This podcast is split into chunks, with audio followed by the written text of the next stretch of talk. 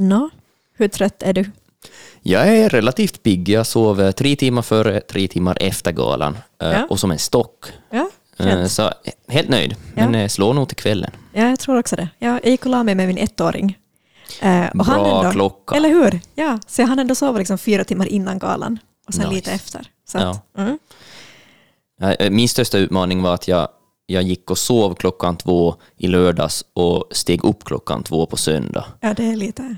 Så jag var, jag var smått utmanande, men det gick. Ja, Eh, Jag är alltid ganska taggad när, när det är Oscars night, så jag sitter gladeligen upp. mm, kul. Mitt problem var att jag åt för mycket brownies på natten.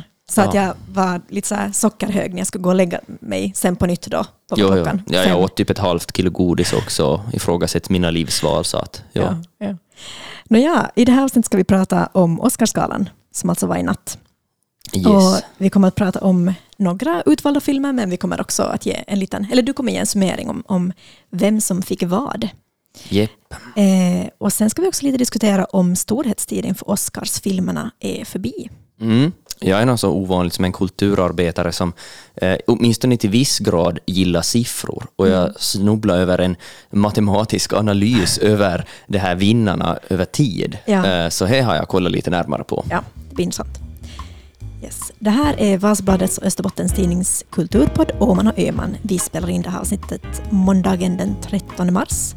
Och vi publicerar det redan nu på samma dag för att vi vill att ni ska få höra det här avsnittet så snart som möjligt.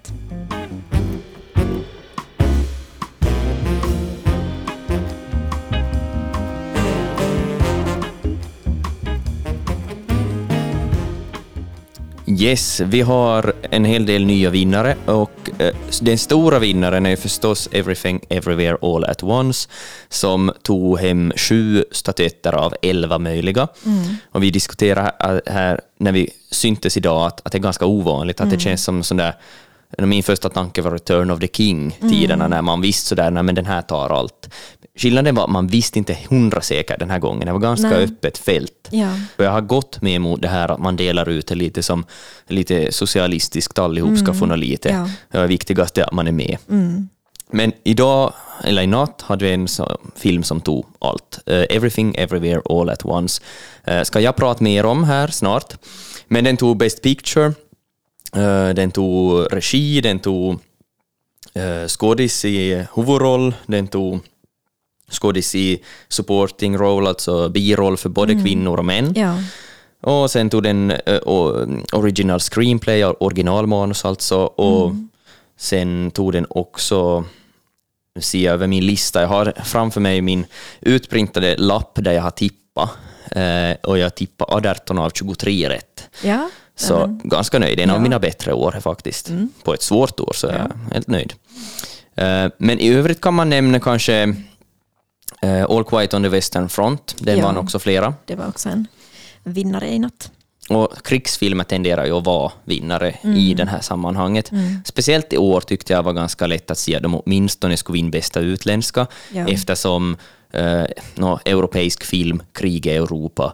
Eh, amerikanerna är ju inte lika investerade kanske i den här konflikten, kriget, som vi är, men ändå så tyckte jag låg lite över alla de eh, kategorierna där Western Front var med. Ja, jag tyckte också det var bra att de fick bästa musik, för den tyckte jag var jätteeffektfull. Så enkel, men det var väl tre toner Ja, eh, som återkom väldigt ofta och väldigt ja, stark Ja, musik. den, den, den fastnade jättemycket med mig och var ju väldigt lik Jaws, eller som in, Ja. inspirerad av den. Ja, jag tänkte också på det.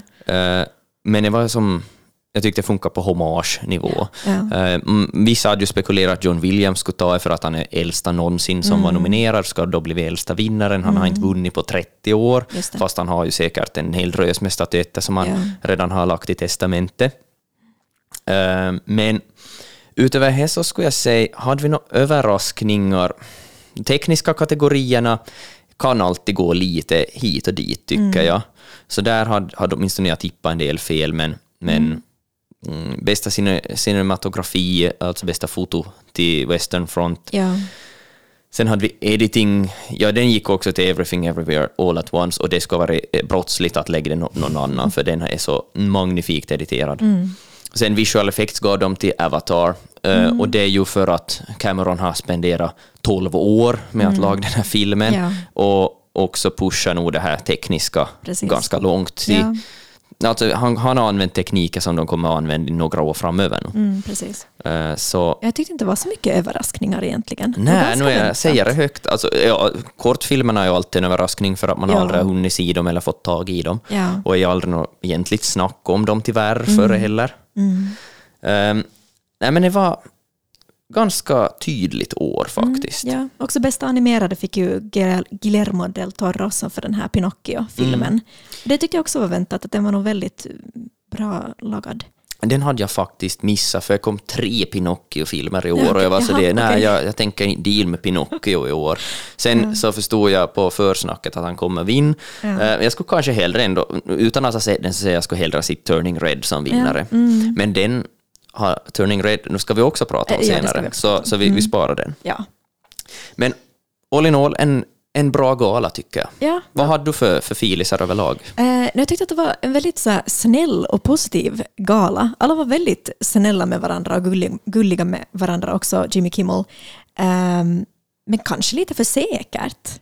Eh, Mm, eventuellt. Lite för tryggt kanske. Ja. Men inte vet jag, kanske efter förra året med, med Will Smith och, och den här våldsamma delen så, så ville de kanske också eh, ha en liten annan tryggare gala. Jag tror de var jättenöjd själv Mm. med...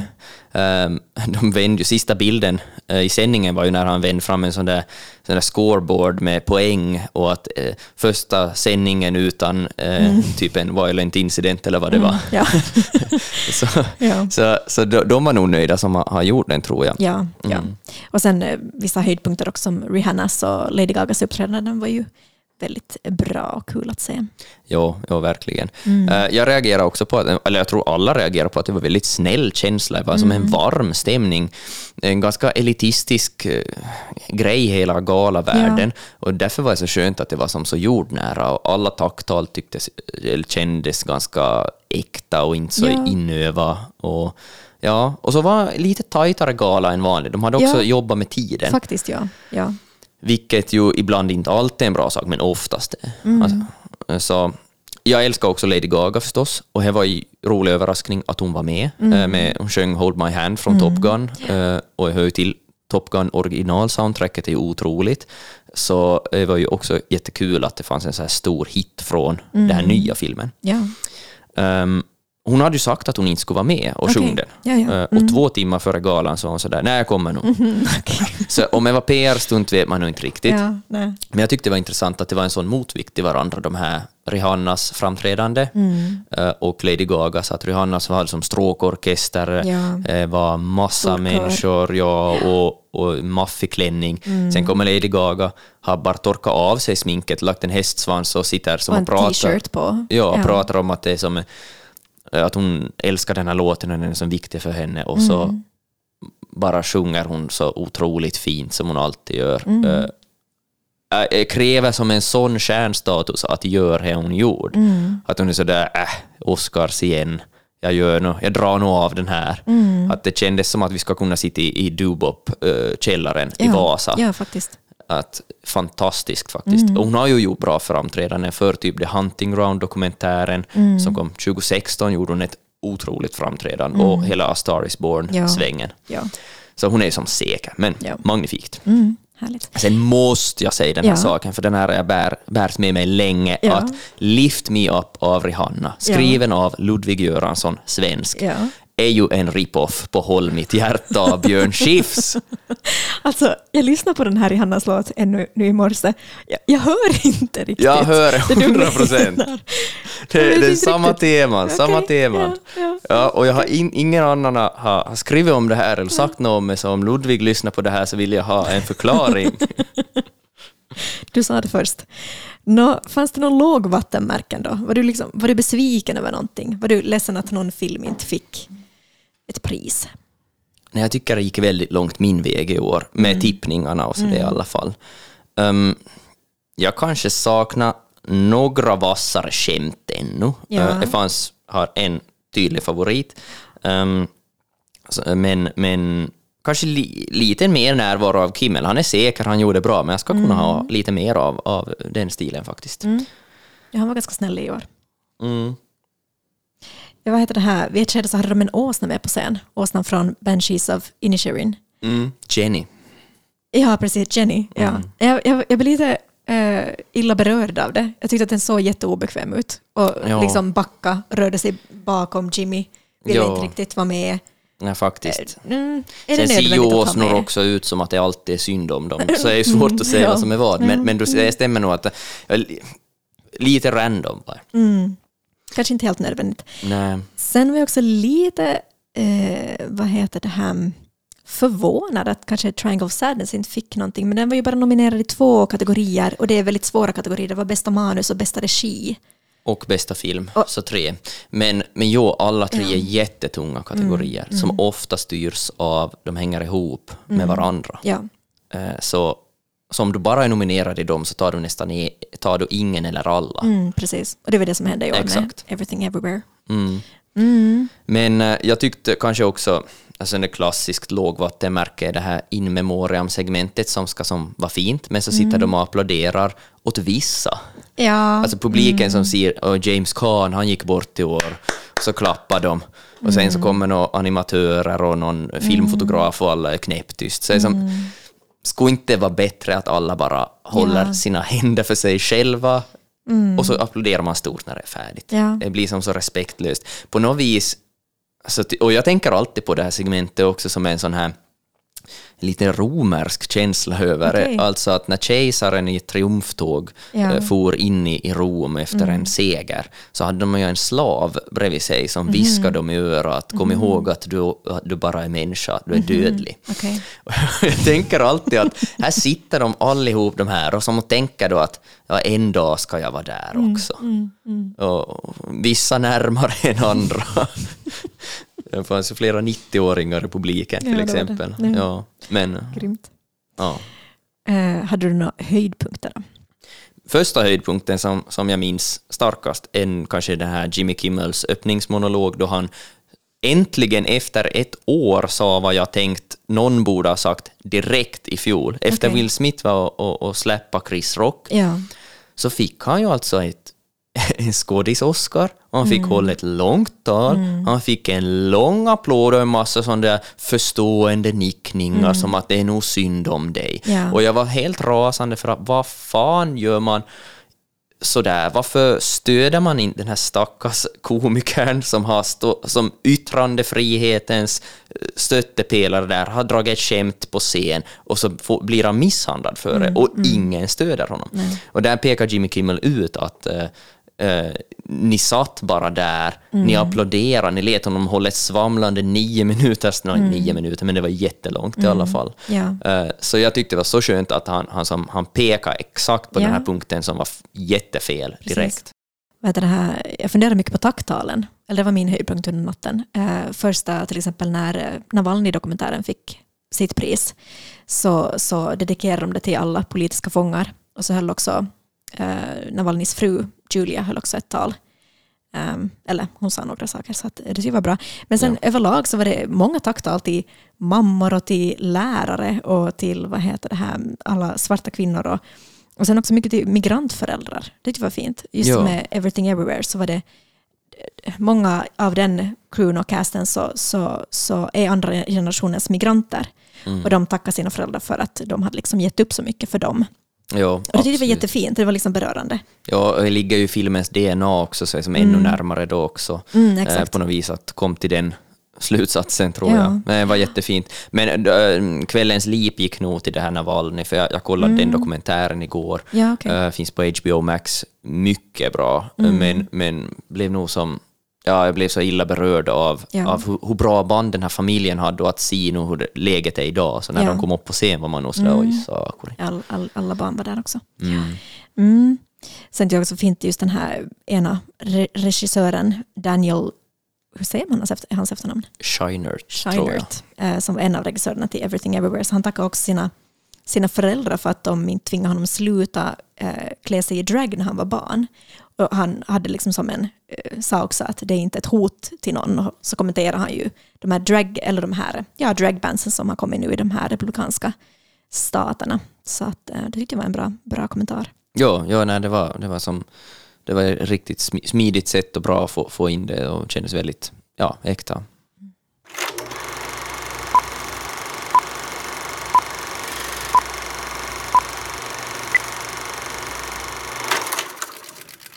Nåja, då ska vi prata lite om stora vinnaren Everything Everywhere All at Once. Uh, för det första, Wilhelmina, du har sett den. Jag har sett den. Vad tyckte du? Um, alltså jag var kanske inte lika övertygad som, som jag vet att du är.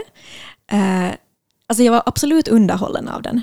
Absolut. Uh, den, var väldigt, den, är förstås, den är jätteuppskruvad. Den är jätteabsurd. Den har ett jättehögt tempo. Mm. Uh, och för att de ska kunna hoppa då mellan de här universum så måste de göra någonting väldigt osannolikt. Och det blir ju väldigt komiskt Ja, när de måste göra någonting eh, väldigt galet.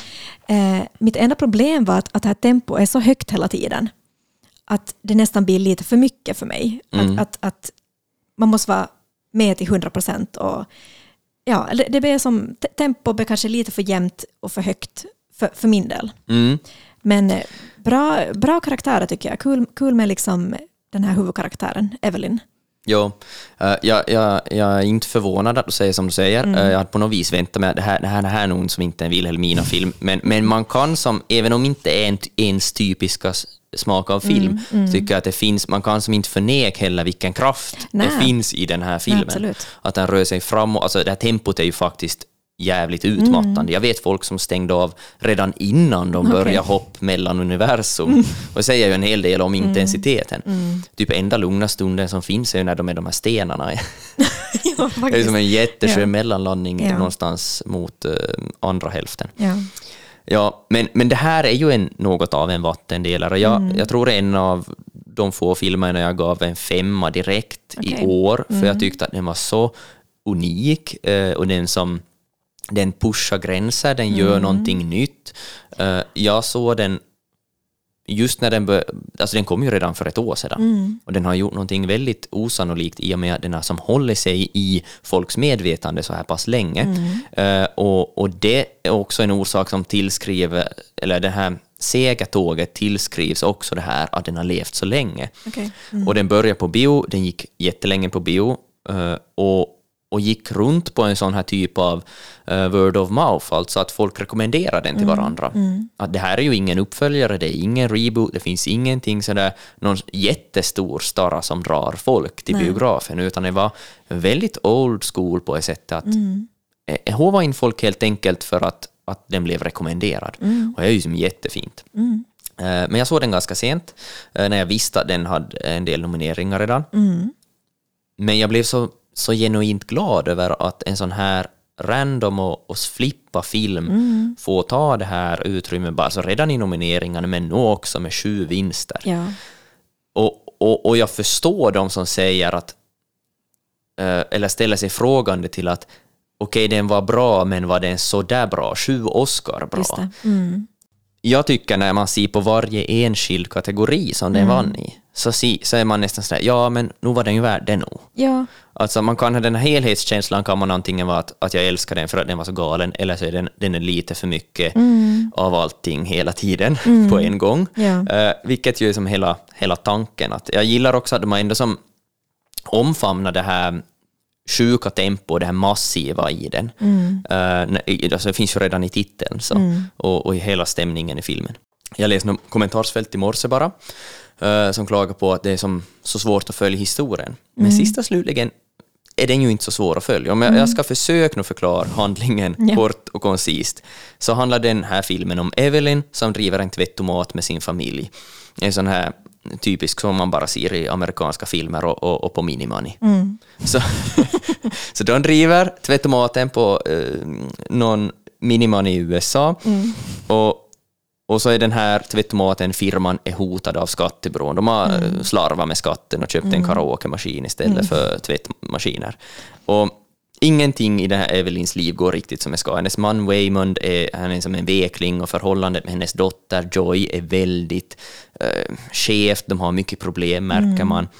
Och hon undrar som också ständigt, det här, och här kommer vi till kärnfrågan i den här filmen, att har hon gjort fel i livet? Har hon som hennes val. Mm. som har lett henne hit, har de varit fel? Ja. För att hon är som inte egentligen nöjd med någonting. och det är ju det som är så relaterbart till den här sist och slutligen, för alla människor har ju den här stunden då man funderar att men tänk om jag skulle ha gjort det där istället. Tänk om jag skulle ha farit och studerat dit. Tänk om jag skulle ha tagit ett helt annat jobb. Alltså de här små mikrobesluten vi gör som kan som sätta oss på en annan väg och när man bör se på sitt liv vad som oddsen kan vara för att vissa saker händer så, så hittar man den här ena, ena beslutet som gjorde att man hamnar där. Och, och tar du bort det grejen så kan som allt ändra. Och det är ju så hisnande tanke. Ja, och då Ehm. finns det det här, här i filmen, det här multiuniversum. Ja. Det finns alla de här möjligheterna. Exakt, jo det är ju bra sen vi slänger upp multiversum bla bla bla, men det är ju, det är ju som hela tanken med det är just att allt händer samtidigt. Allt du kan fantisera ö, om ditt liv eller en verklighet så finns någonstans. Och det är ju det som börjar hända i den här filmen, att de kan resa mellan de här nivåerna och lära sig olika förmågor från olika ställen. Ja, no, det är ju som en kung fu-film, är ju skiffy, eh, komedi, eh, action, eh, och i kärnan ändå är det här familjedramat. Så eh, jag, jag är jätteglad för den här, för den här vinsten, för jag tycker också att det banar som väg för, för genrefilm på ett sätt i också några sammanhang. Jag ger ännu som en sån här liten fjäder i hatten åt, åt skiffin och så att klart som uh, det är ju de som länge har dragit mycket till bio och så, men är ändå anses alltid vara, inte, kanske inte det är värt priser i alla fall, men nu har vi en sån här film som är kanske den mest flippade av alla och den vann priser. Ja, det är väl inte så ofta som just en, en komedi, en skiffy-komedi ska ha vunnit. Nej, nej, Oscars. nej. Jag, jag kommer inte på en enda. Eh, och det finns så mycket att reagera på med den här vinsterna faktiskt. Eh, sen tror jag att den hjälps upp av eh, alltså också sån här kommersiell succé. Mm, att den har vi har marinerats väldigt länge i så här multiversum, storylinjer och så att, att Marvel-publiken, superhjältefilmerna, har som grundat för det här väldigt länge och gör ju det här också. Och sen är det lite olyckligt att de som har byggt upp den, vad ska man säga, förståelsen för den här typen av berättelser eh, gör inte tillräckligt bra just nu. Eh, och sen kommer en, en originell film och bara snatchar allting f- från dem. Så det är väldigt tillfredsställande också. Ja, det var kul att Jamie Lee Curtis äntligen fick en Oscars, tycker jag hon var värd. Ja, hon bästa byråkraten på film sedan um, Zootopia sengångarna. Ja. Men eh, jag, jag rekommenderar den varmt. Den är inte för alla, men det finns någonting för alla i den. Absolut. Ja.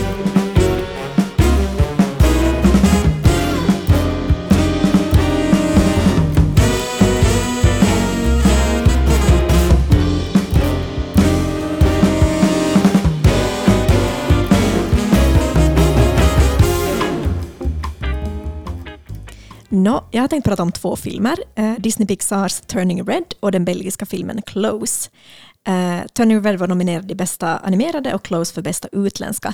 Varken era fick något pris, men jag tycker ändå prata om de här filmerna, för jag tycker ändå de är bra.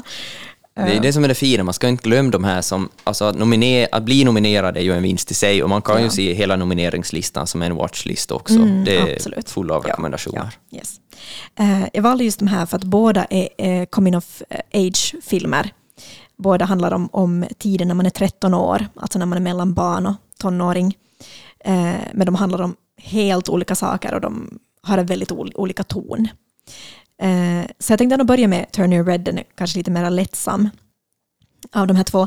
Den utspelar sig i Toronto i Kanada 20, 2002.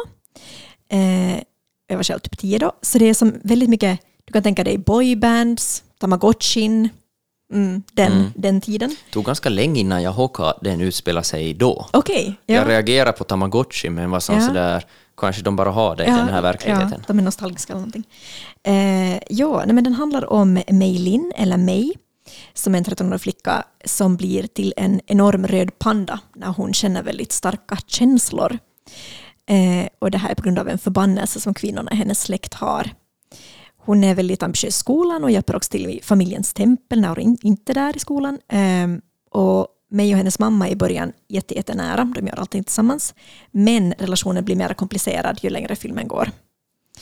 Och eh, hon har också då ett, ett eh, tajt kompisgäng eh, som alla älskar boybandet Four Town. Och varför det här är viktigt är att, att de sen börjar, de vill få på en konsert av Fort Town. Eh, Jag, jag går vill på Fort Town. Eh, och då måste de vad heter det här, skaffa fram pengar på något effektivt sätt.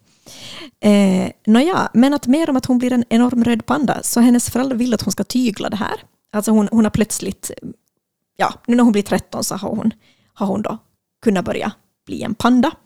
När hon känner någonting starkt. Eh, och hennes föräldrar vill att hon ska kunna tygla det här i en månad. Inte förvandla sig, utan att, att eh, för, så att de sen, när det är röd måne nästa gång, ska de kunna eh, vad heter det här, binda den här röda pandan inom henne. Men för att få pengar till den här showen så beslutar hon och hennes vänner att de ska utnyttja populariteten som den här röda pandan har i skolan. Och börjar vad heter det, sälja foton på pandan och att man får krama pandan och sådär. så det är väldigt mer- merch och ja, Ja, väldigt ja. amerikanskt där Ja, det är på något sätt. att Nu, amerikanskt. nu gör vi pengar på det Ja, här ja, och det går jättebra, de får massa pengar. Nåja, det Lite här, som när jag sålde snus i högstadiet. Ja, precis. Det funkar lika bra. det här kommer förstås fram. Jag vet inte, kom det fram för dig att du sålde snus? nej, nej, det var, det var sån där mm, one-off med, med några stockar som Ja, vi ja. hade kommit över. Det var sån där, go- don't get high on your own supply-tänk också. just det. Eh, Men det var, det var en effektiv tid. Precis. Nåja, det här kommer fram då att hon, att hon har gjort pengar på det här och det får förfärliga konsekvenser. Eh, alltså jag njöt av att se den här filmen på grund av tidsperioden. Mm. Eh, jag kände igen alla tidsmarkörer och jag kände nostalgi. Och jag tänker att eh, föräldrar som ser det här med sina barn, så de kan ju förstå de här referenserna på ett annat sätt. Jo, absolut. Det fanns ju mycket att, att, tolka in i den. Jag, jag, Mm. jag njöt också av den.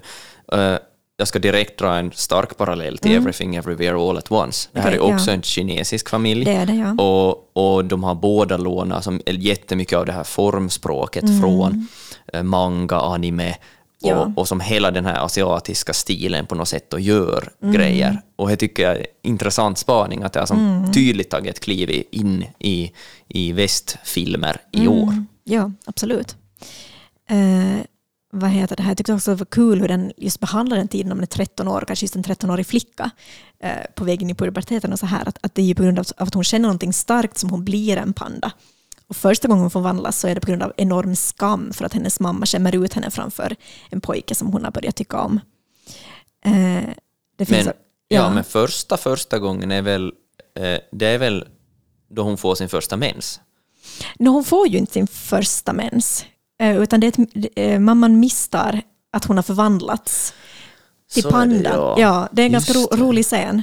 Jo, jo det var en Eh. jättebra scen, men jag tolkar den 100% som på att, Ja, att ja. båda var sanna. Just det. Ja. Nej, men för den här re- regissören har också som sagt att hon nog har inspirerats av det, att det där Turning Red är liksom en kommentar till mens.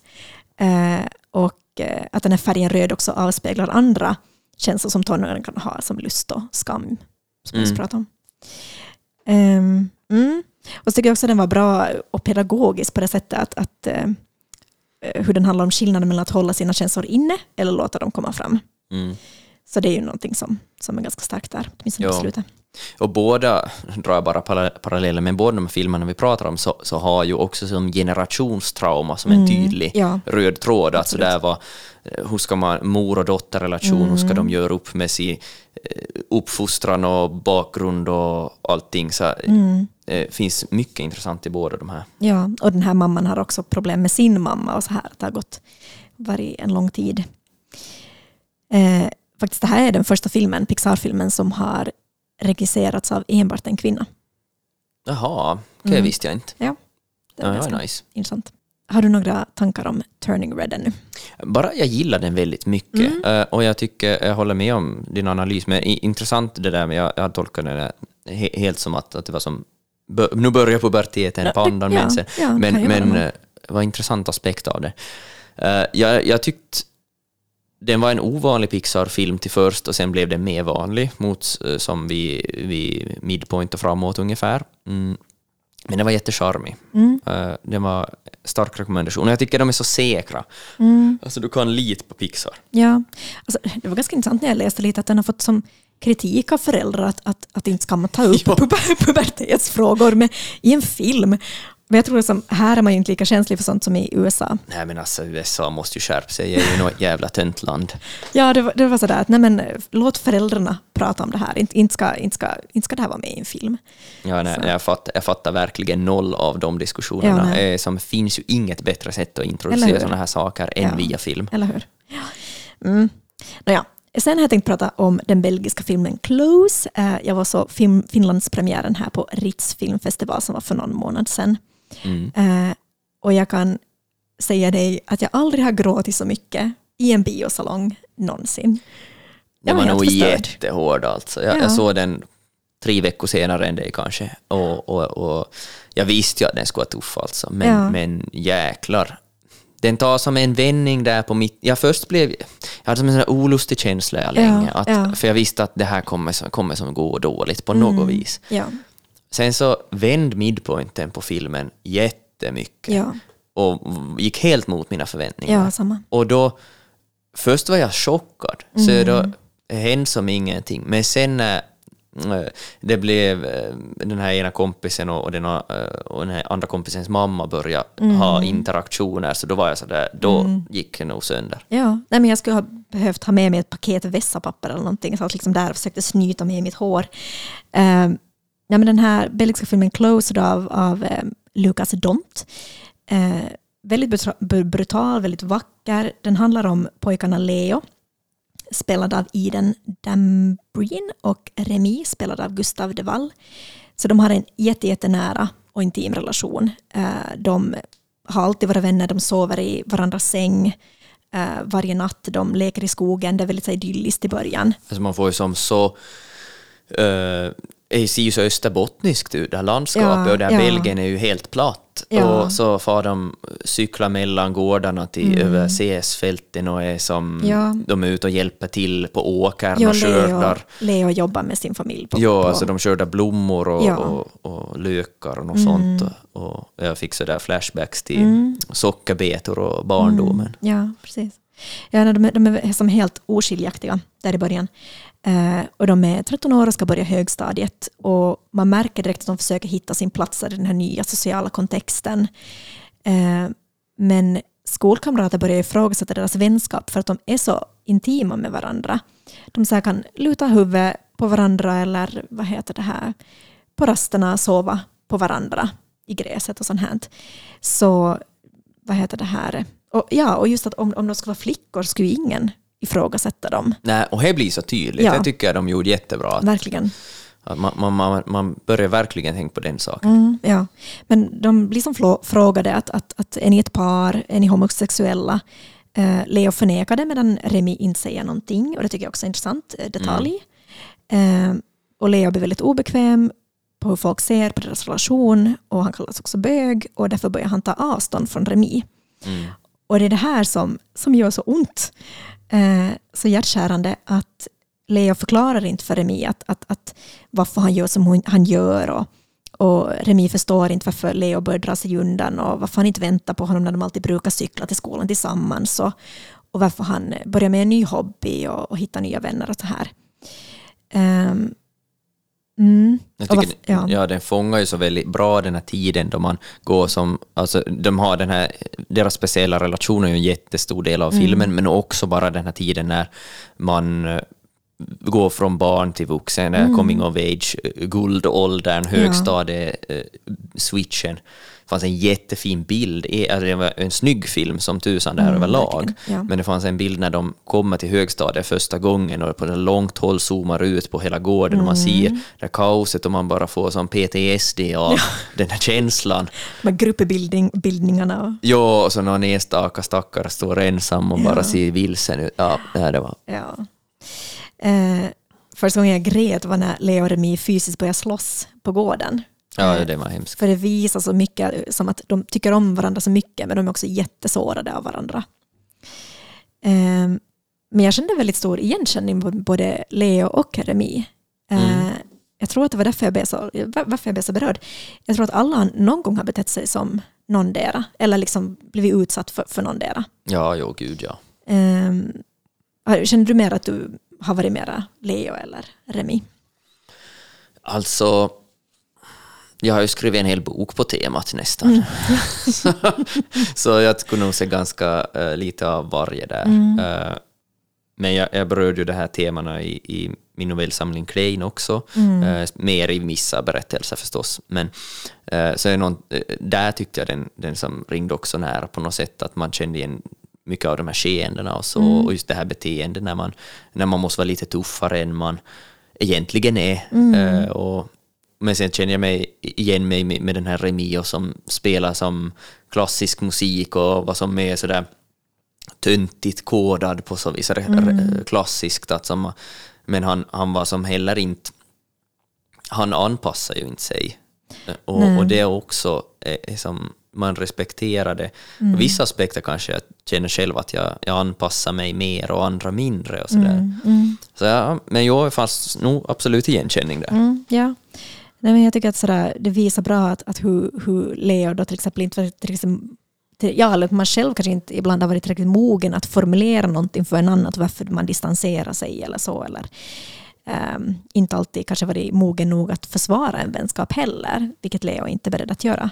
Mm, eller jo. inte kan göra. Nej, de har som inte riktigt verktygen att nej, mötas nej, alls heller och förstå vad som händer dem själva och varandra. Mm, och man börjar ändå inte ogilla Leo att man, man har väldigt stor förståelse för honom. Jepp, han är ju verkligen ingen skurk i det här. Nej. Men eh, ja, jag kan inte nog understryka hur mycket jag tyckte om den här filmen och hur jag ja, gärna rekommenderar den vidare. Jo, nej, jag, jag, kan skriva verkligen under på det. Jag tycker den här ska vara en solklar vinnare ja. av bästa film om inte eh, Västfronten ska vara med och där mm. tror jag nog jag föll på att den var också en väldigt populär film mm. som gick ut på Netflix, så ja. därför har ju den nåtts av många. Absolut. Och så just krigsaktualiteten och sådär. Mm. Men ska du se en annan från, eh, eller jag kan nästan säga, ska du se en film av de här nominerade mm. bästa utländska så är det nog close. Ja, nej men, ja det håller jag med. Um, jag var speciellt imponerad av de här skådespelarna som spelar Leo och Remi. Um, de var heter det här, så unga, så duktiga. Speciellt Dan Breen som spelade Leo. Han var han, jag var som golvad av hans närvaro. Eh, även Emmeline de Quen som spelar Remis mamma Sofie mm. tyckte hon hade jätte, jättebra samspel med, med Leo. Mm. Ja, ja nej, verkligen. Det, det, var den här samspelet med, med morsan och, och Leo som, som slog väldigt hårt hos mig också mm. i andra hälften. Sen så förstås pojkarnas samspel var otroligt också. Mm, ja. Um, jag pratade om den här filmen med en, en del vänner som hade sett den också. Eh, så, och det var intressant att vi, för jag först tolkade den här inte alls som så queer, mm. eller som att det fanns de här queera undertoner mm. i det, att just som att okej, okay, de, de anklagas av sina kompis, eller som komp klasskompisar mm. för, att vara, för att de är homosexuella då, och så mm. nekar den ena och den andra säger ingenting och där redan finns ju en, en mm. spänning då. Men, men jag läste en, ändå en bit in som sådär att att är det som bara vänskap och också det här att det är som manliga eh, maskulinitetsnormer här nu som bara mm. kritiseras och de vill att vi ska fundera hur är det, mm. hur är det? Och är samtidigt är de jätteunga, så, men är ju just den här tiden för som sexuellt uppvaknande och sådär. Mm. Och de kan inte alls formulera det. Uh, men ju mer jag tänker på, alltså nu finns det ju, nu tycker jag att det finns ett, ett queer-tema i det. Ja. Jag menar regissören är homosexuell också och redan där tycker jag det kanske finns en giveaway då att, att det, det kan vara, finns mycket sådana, ja, mycket e egna tankar, känslor lagt in i den här filmen mm, också. Mm. Ja, men det var också någonting jag funderade på, att, att hur ska man som läsa den här filmen? Att, för att Remi verkar också mer okej okay med, med skolkamraternas föreställningar om deras relation. Han verkar inte lika brydd som Leo blir. Mm. Och då funderar jag också att finns det någon, liksom, någon internaliserad homofobi i Leo? Ja, uh, absolut tycker jag att det finns en sån vinkel på. Och, men sen också, som jag tyckte de lyckades ganska bra med var att, att det var tydligt också att den här uh, Remi var lite barnsligare. Ja. Att, mm. att den grejen tycker jag är så intressant. Ja, han var lite kvar i barndomen ännu, ja. medan Leo Ja. En har bråttom vidare, en har ännu inte fattat att barndomen håller på att ta slut.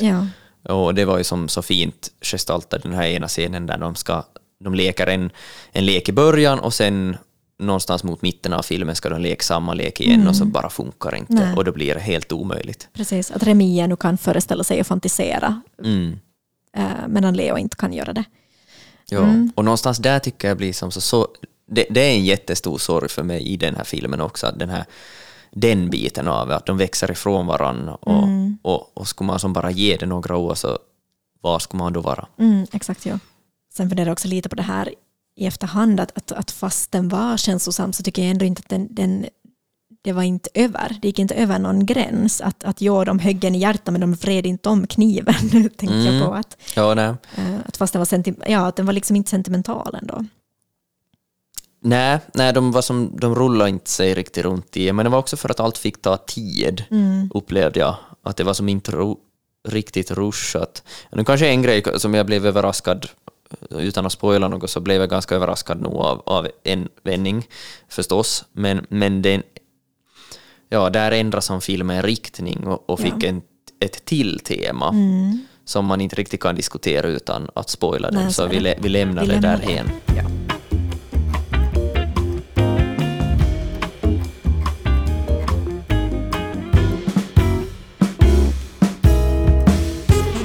Men Axel, det var ett tal om, oss, om ifall Oscarsgalans storhetstid är förbi.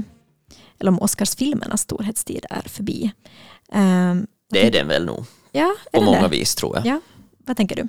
Ja, om man kollar eh, på data helt enkelt så blir det tydligt att det, att det är så. Mm. Sen 20 år nästan tillbaka. Mm. Ehm, men det betyder inte att, som att de har...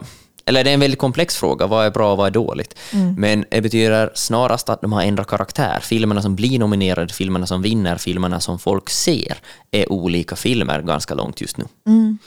Ja, också det här med att, att eh, de här väldigt kostsamma 100 miljoners filmerna, att, att det är inte riktigt de kanske som vinner de här största priserna mer, utan de som har lite mindre budget. Ja, exakt så har det blivit. Mm. Eh, och ja, det här skapar ju en ökad klyfta mellan eh, mainstream-publiken som ser vad som...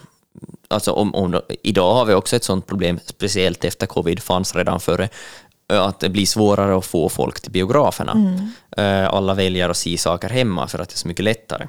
Det här skapar ju en, en, sån här, en klyfta där redan, att vilka som, vilka som folk ser och en stor utmaning för filmbranschen. Men det som göder också en, till viss mån en, vad ska man säga, den här elitismen i award season, att, att de här galaceremonierna blir som mer branschfest Mm. Ja. och inte lika mycket så här folkets stora eh, fest. Att, att det, har ju, det här är ju, Oscarsgalan är ju ingen melodifestival, verkligen inte. Mm. Nej. Att det drar som inte schack på det sättet och tittare. Mm. Och där har ju tittarna tydligt minskat. Men, eh, men nu ska jag prata lite siffror och Mm. eh, kvalitet på film och eh, jämfört översatt till siffror. Yes.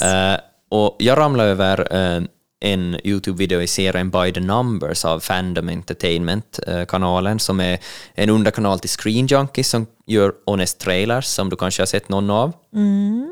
Ja, Kanske. Mm. Den är, den är relativt stor. Det är typ enda kanalen jag följer Okej. på Mm. YouTube. Eh, Men den här By the Numbers då gör uträkningar kring ja, allt möjligt. De har tacklat frågan som alla undrar att vem är den bästa bågskytten på film? Och så de Okej. räknar eh, träffar och missar och okej. unaccounted skott och sådär. Just. Så Legolas är bäst med Ja. 96,6 procents Okej. träffsäkerhet. Mm. Så nu vet ni det. Bra att veta. Ja, men nu har de tittat på då om Oscarsfilmer har blivit sämre med åren. Och första utmaningen är ju att man måste bestämma vad är parametrarna för en bättre eller sämre film, vilket ju är en snarast filosofisk fråga och har diskuterats eh, sedan tidernas begynnelse.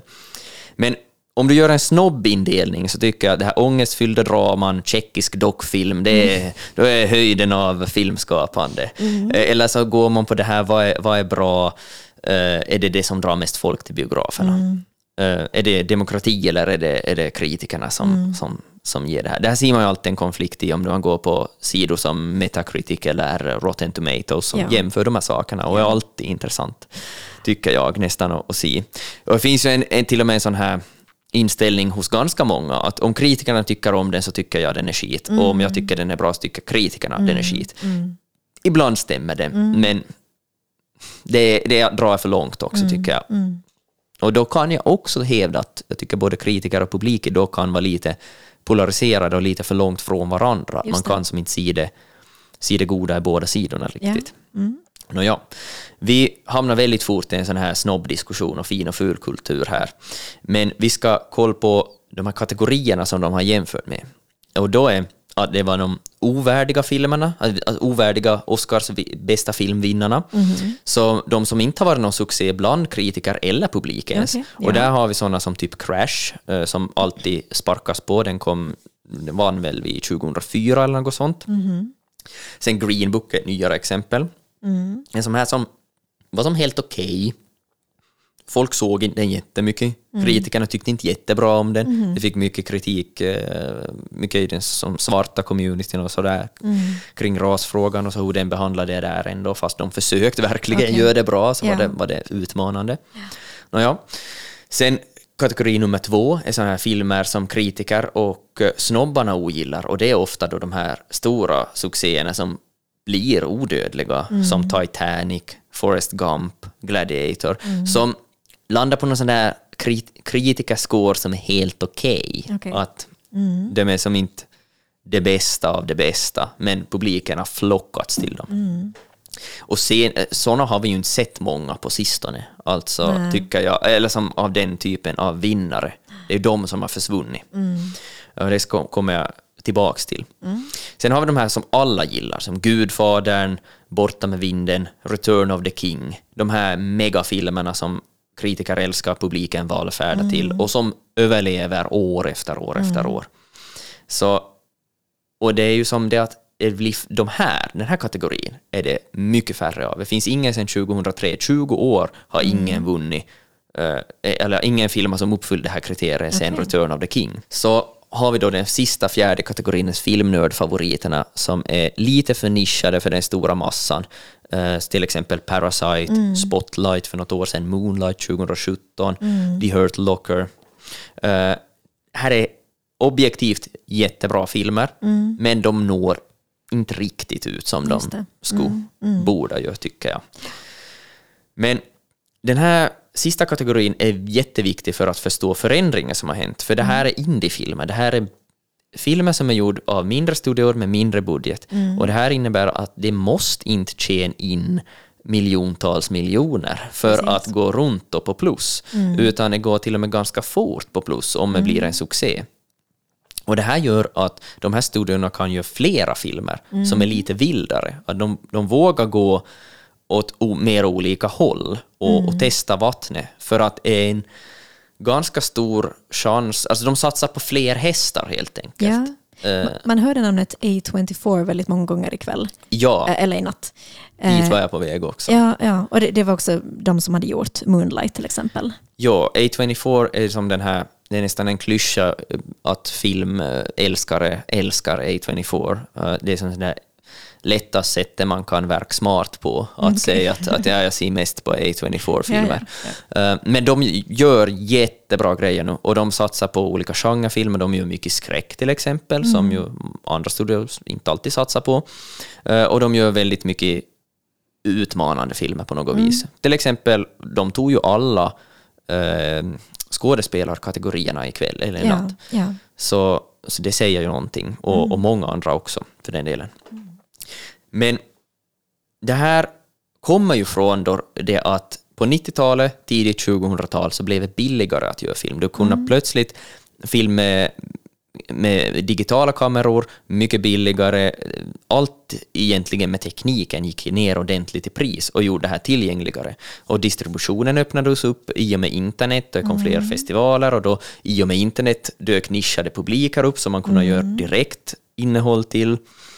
Och plötsligt så var man som inte tvungen att försöka nå precis alla mm. och ha mest spektakel. Uh, filmskapare kunde som skapa historier som ja, hade en smalare ingångsläge helt enkelt. Mm. Du kunde, du kunde som rikta det mycket hårdare. Uh, som jämförelse kostar Moonlight som vann bästa film 2016 eller 2017 var det, mm. så kostade 4 miljoner att göra medan Return of the King kostade 150 miljoner. Ja, så där... Enorm Enorm, ja. Ehm, de kan helt enkelt experimentera mer och det gör en massa experimentella filmer där regissörer, manusförfattare får ta ut svängarna och skådisar får en utmaning som de kanske inte hittar i en blockbuster. Mm. Och sen kommer förstås nästa grej som gör att det här fortsätter och fortsätter och till och med eskalerar. Att det finns idag tusen tjänster som behöver mer innehåll och helst ska det vara original content endast mm. på den här plattformen mm. så att man ska måste ha varenda streamingtjänst som finns i hela världen. Ja, alltså jag minns när först, det var, ja, jag minns eh, den Oscarsgalan, det var första gången som en Netflix-film var med och det var lite så här eh, folk var jättekritiska till det och tyckte att det var jättefel och så här. Men nu i år var det ju många, många filmer. Jo, jo, och i fjol vann ju Coda som var på mm. Apples tjänst. Mm.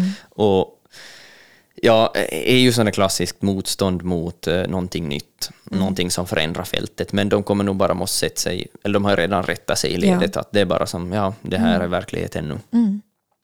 Um, men ja, här har vi som en det, det, det, finns fler köpare påverkar förstås också att det görs ännu mer. Sen om folks tid räcker till är ju en, nästa fråga.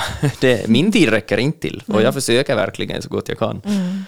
Då ska vi, ska vi så, så försöka summera det här. Då. Vad kom de fram till i, i, i By the Numbers? Jag rekommenderar att se den här, den här videon och, och det finns en artikel som videon är baserad på också. Så allt um, ehm, DMa mig på Instagram om du vill ha länkar, annars så googlar du dig fram till det också. Um, men blir bästa filmvinnarna sämre? Enligt majoriteten av människor, ja. Mm. Och enligt filmnördar, så som jag själv, inte riktigt. Mm. Uh, men jag kan sörja den här tiden när, när de här två sakerna följdes åt, när de mm. kunde vara samma sak. Mm. Alltså, när, är väl lite av den här lägereldsfunktionen, att alla såg samma sak på TV, alla gick och såg samma film. Ja. Och det var ju som... Det var något så vackert med när man får och se Return of the King och precis alla skulle se den. Mm. Och, och man, vi får, jag minns jag får med min kompis till Vasa palats, som då, alltså Ritz idag, mm, mm. för han hade hört att det var bäst ljud mm, där. Mm, okay. så, jag vet inte vad han hade för connections i lågstadiet, men uh, i alla fall så, så att det blev som en så stor grej. Mm. Och det här har ju lite försvunnit. Nu händer det ju fortfarande, jag menar, i år har ju Avatar, The Way of Water och framförallt kanske Top Gun Maverick mm. har ju dragit folk tillbaks till bion på ett så här väldigt old school sätt. Båda är ju mm. uppföljare och båda har så en fanbase på något sätt och nostalgi etc. Men framförallt Top Gun var ju en jättebra film. Och okay, det, var en sån där, det var en sån där bioupplevelse som man, jag tycker man har knappt längre. Mm, mm. Uh, att den var som det var en jättebra blockbuster. Så den mm. var faktiskt in och nosa på den här kategorin som jag tycker har försvunnit. Mm. Men idag, det här, det här med utbudet och så, har ju skapat de här nischerna. Och hela som problemet med att de här filmerna blir smalare, som, de som vinner och de som nomineras är smalare och de som publiken väljer eh, är, an, eh, har sämre krit, kritikerbedömningar och, och, och tjäna mindre pengar också helt enkelt. Mm. Och det är ju helt enkelt kapitalismens fel än en gång det här. Det är globalisering, alla ska göra vinst. Allt ska mm. funka i alla länder och marknader. Mm. Allt ska vara baserat på tidigare kända karaktärer eller vara en reboot mm. eller en uppföljare. Men jag tycker att vi som tittare har förlorat någonting också när vi inte får se de här tidlösa blockbusters som förr kunde nå ut brett men samtidigt var som en jätteartsy, bra film. Mm. Att, det skapar ju en viss fördumning, är jag rädd också, hos tittarna. Att, att På man, vilket sätt? Nej, men man utmanar inte Många mm. utmanar inte sig alls med vad de ser. Mm. Utan det blir bara som ganska slätstruket. Ja, det som finns på den streamingtjänsten som man har. Ja, eller, eller att man går och ser bara... Alltså nu ser jag det mesta Marvel gör till exempel, eh, men men man ser som bara det. Mm. Och att det gör, jag, jag gör in, inget gott åt en att begränsa sig så pass. Mm. Um, men ja, ja, jag tycker också att eh, understryka lite med Oscarsgalan i natt var att och, och, mm, Tom Cruise och James Cameron var inte på plats. Nej, jag reagerar på att Tom Cruise inte var där. Ja. Mm. De var nominerade för bästa film båda ja. två och har gjort enorma jobb. Mm. Jo, alltså, biograferna finns i många städer tack vare de mm. två filmerna. Mm. Så det var jättetydlig markör på det här skiftet som har hänt. Mm. Att det har blivit mer av en branschfest, det har blivit mer navelskådande. Uh, och visst, bra filmer kommer fram där, men men det är synd att vi dras åt olika håll. Mm. Man får se hur det utvecklar sig och vartåt det är på väg. Ja, nej, vi, är, vi, är, vi står vid en brytpunkt och jag, ja, det görs ju jättemycket bra, men hittar folk det? Och den här klyftan som uppstår mm, oroar mig lite. Ja, det kanske mer är sådär att, att folk ser på väldigt olika filmer och sen kan som rekommendera filmer åt varandra. Att det, ja.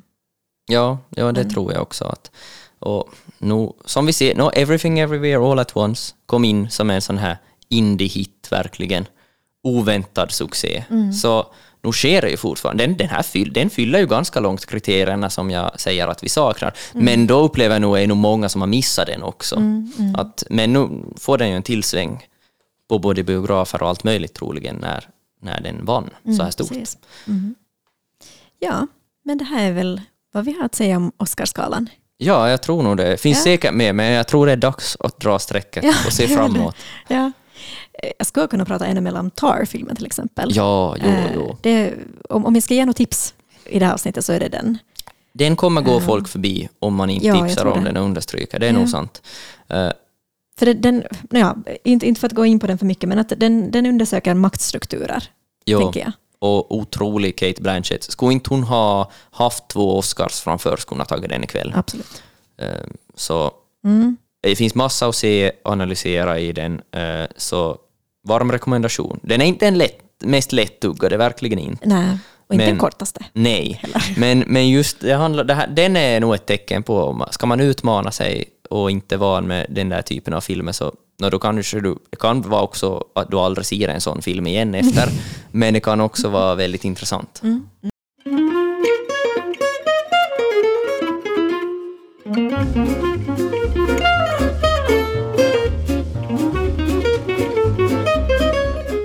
Åman och Öman är producerade av Vasabladet och Österbottens Tidning. Producent för det här avsnittet var Patrik Sjöholm. Är du hungrig på mer kulturinnehåll kan du gå in på vår app eller sajt vasabladet.fi och klicka in er på kultur.